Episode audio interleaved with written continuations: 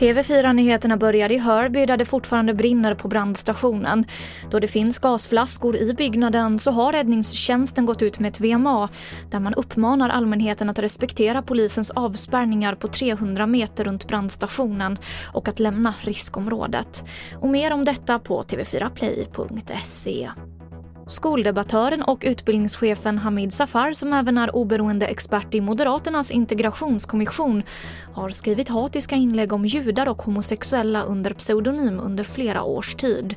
Till SVT säger han att han tar avstånd från de här åsikterna och känner skuld och skam över dem. Eh, FRA ska få signalspana mer. Idag får myndigheten bara övervaka samtal och datatrafik mellan två personer om en av dem befinner sig utomlands.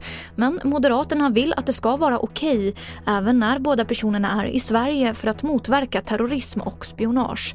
Försvarsministern säger till SR att det här kan bli verklighet, men först ska det utredas.